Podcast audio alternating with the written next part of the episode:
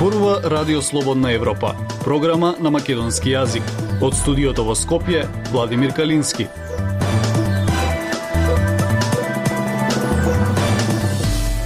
Почитувани ја следите емисијата на Радио Слободна Европа. Воздухот во Македонија и оваа зима е високо загаден, наместо мерки, партиите продолжуваат со политички препокувања, Помина една година откако започна вакцинацијата против COVID-19, до сега вакцинирани половина од светската популација. Русија го затвори мемориалниот центар за човекови права, критичарите укажуваат на континуирано сузбивање на неистомислениците. Слушајте не.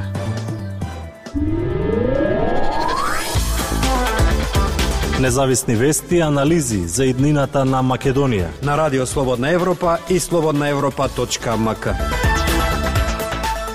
Воздухот во градовите во Македонија повторно е високо загаден, но наместо сериозни мерки партиите се препукуваат кој е виновен и што направил или не направил додека бил на власт.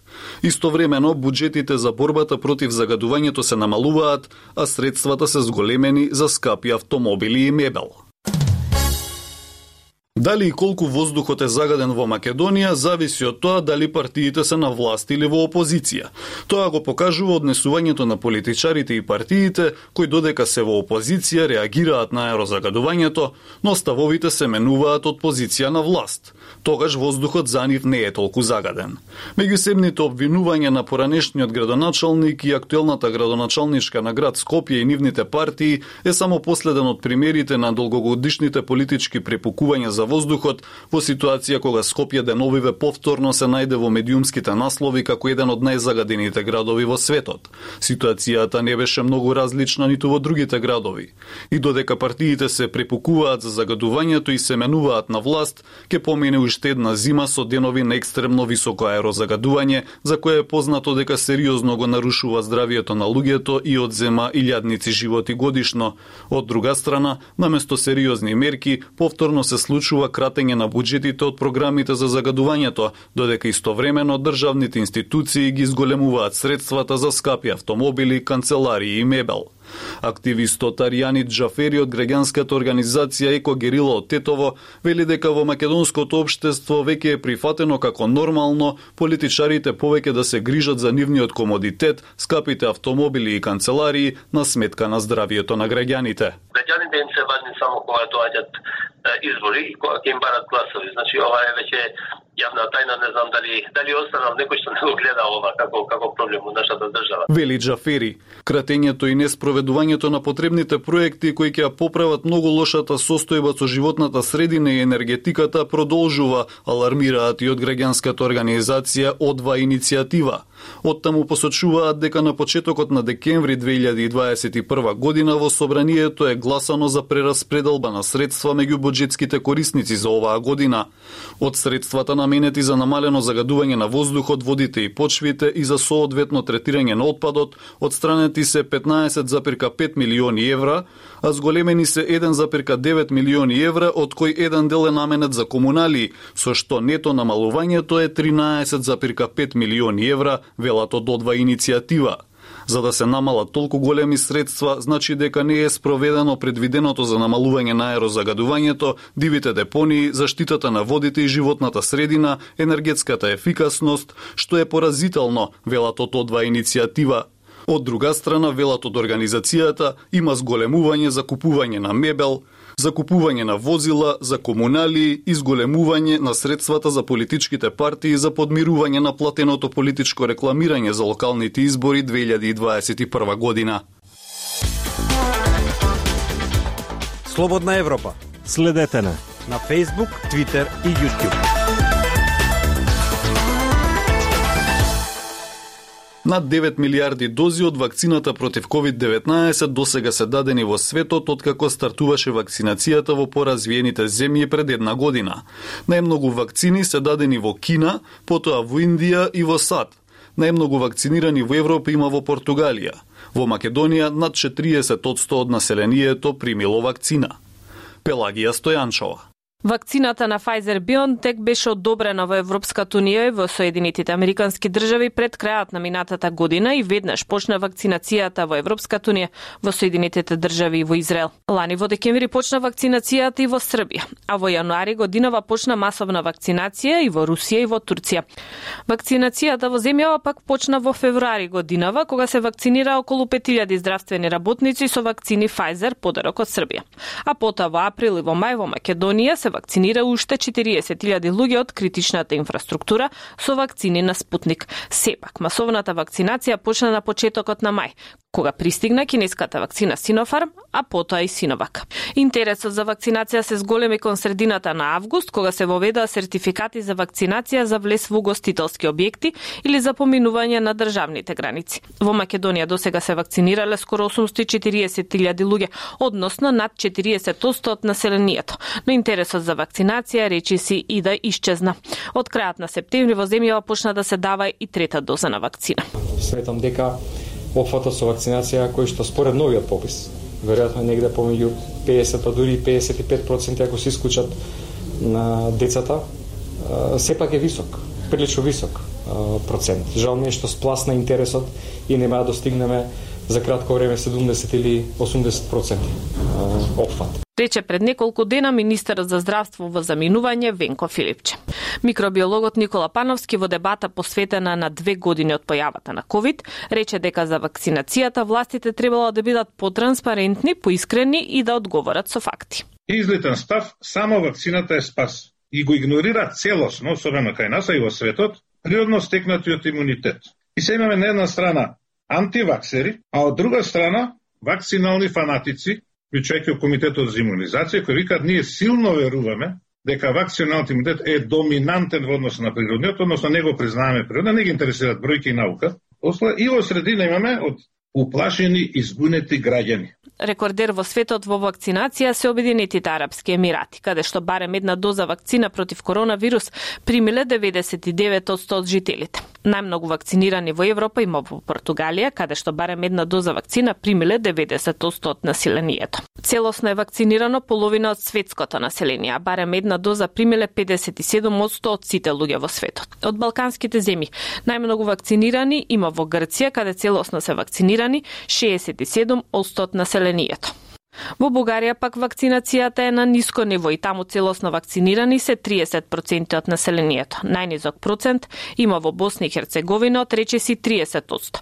Потоа во Албанија каде се вакцинирани 39% од населението, а повисок процент на вакцинација од кај нас има во Косово, Црнагора и во Србија. Во светот досега се дадени на 9 милиарди дози од вакцината. Радио Слободна Европа, светот на Македонија.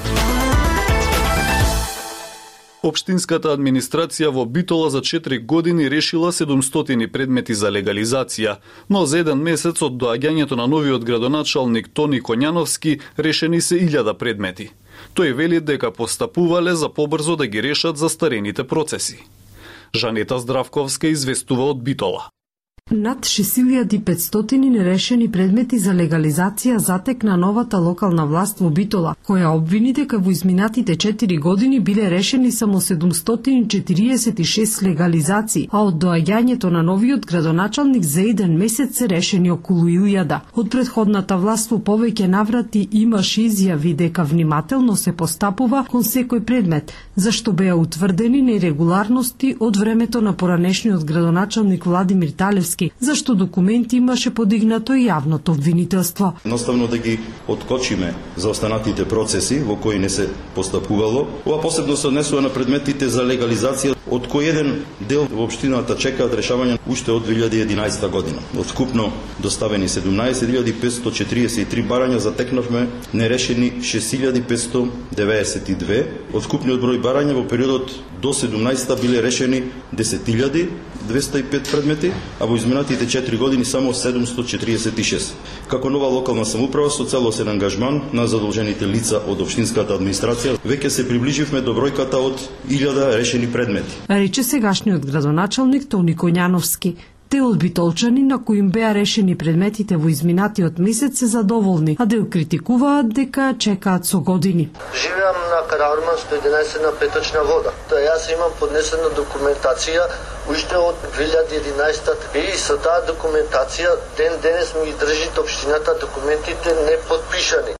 Имотот што е изграден е безправно на наша површина, сега е префрлен на син ми и да бидат, мислам, легализирани сите објекти за да луѓето си имаат свое право над објектот и да си живеат долги години во ними. Предходната градоначалничка Наташа Петровска имаше изјавено дека легализацијата не беше закочена, туку тврдија фази на издавање на решенија за постапката да биде законска, како и тоа дека се сочиле со огромен број на нерешени предмети од 2011 до 2017 година, а дели спорни. Се наоѓаат некои документи кои што се исклучително контраверсни. Значи, од една страна имате решение за рушење од инспекција градежна, а од друга страна за истиот објект имате решение за легализација. А, исто така имаме легализација кои што веќе повторно обвинителство подигна како документи, што значи дека се тоа е потврда дека се одвивале низа работи по постапки и процедури кои што не запазувале фази и чекори, ако што една легализација треба да ги запазува. Имаш изјавено Петровска. Обштинската администрација и за време на Петровска и Коњановски, градоначалници од различни политички партии е иста, па се поставува прашањето зошто сега сработи за еден месец околу 1000 предмети, а предходно за 4 години околу 700. Актуелности свет на Радио Слободна Европа. Притисокот за затворање на групата за човекови права мемориал е врвот на годината во која владата на Владимир Путин агресивно го прогонува независното граѓанско општество, како што укажуваат критичарите. Дали затворањето на мемориал ја означува транзицијата од авторитарен режим во тоталитарен режим? Гоцеата Насов. Годината во Русија завршува со низа настани кои вознемирија многу наблюдувачи за намерите на председателот Владимир Путин. Прво, Државната агенција за следење на медиумите, Роскомнадзор, ја блокираше веб страницата на ОВД Инфо, која меѓу другото служеше како куќа што ги поврзува приведените демонстранти со бранителите. Потоа судот во северниот град Петрозаводс го осуди стакнатиот историчар Јури Дмитриев на 15 години затвор за обвиненија за непристојност, за кои поддржувачите велат дека биле фабрикувани како одмазда за неговото истражување за злосторствата на диктаторот Сталин и советската влада. Потоа Рускиот врховен суд нареди затворање на Мемориал Интернационал – невладина организација за човекови права и историско истражување, која играше истакната улога на граѓанското општество уште од времето на политиката на гласност на советскиот лидер Михаил Горбачов. Истиот ден полицијата во Иркутск, Томск, Архангелс, Барнаул и Саратов ги приведе и испраша поранешните локални координатори за затворениот опозицијски политичар Алексеј Навални – Еден ден подоцна, на 29 декември, Московскиот градски суд нареди затворање на Московскиот меморијален центар за човекови права во дечкиот проект на Меморијал Интернационал во Русија. Пишувајќи конкретно за затворањето на Меморијал Интернационал, долгогодишниот либерален политичар Григорий Јавлински тврди дека тоа го значува преминот од авторитарен во тоталитаристички режим – Одлуката, додава тој, покажува дека владата на Путин се прогласи себе си за наследник на сталинистичкиот и советскиот режим. Новинарката Кристина Астафурова пак напиша Влегуваме во 2022 година без меморијал, со стотици политички затвореници, со тортура во нашите затвори, со десетици луѓе принудени да емигрираат само во последната година и уште колку ќе заминат. Интензивното едногодишно сузбивање на неистомислениците на руската влада доаѓа во време на шпекулации за иднината, бидејќи сегашниот председателски мандат на Путин се приближува кон својот крај во 2024 година. Минатата година владата спроведе огромен куп уставни амандмани, меѓу нив и оној кој му овозможува на Путин да бара уште два годишни мандата и евентуално да остане на функцијата до 2036 година. Почитувани слушатели, тоа е се што ви подготвивме во оваа емисија. Од студиото во Скопје ве поздравуваат Владимир Калински и Дејан Балаловски.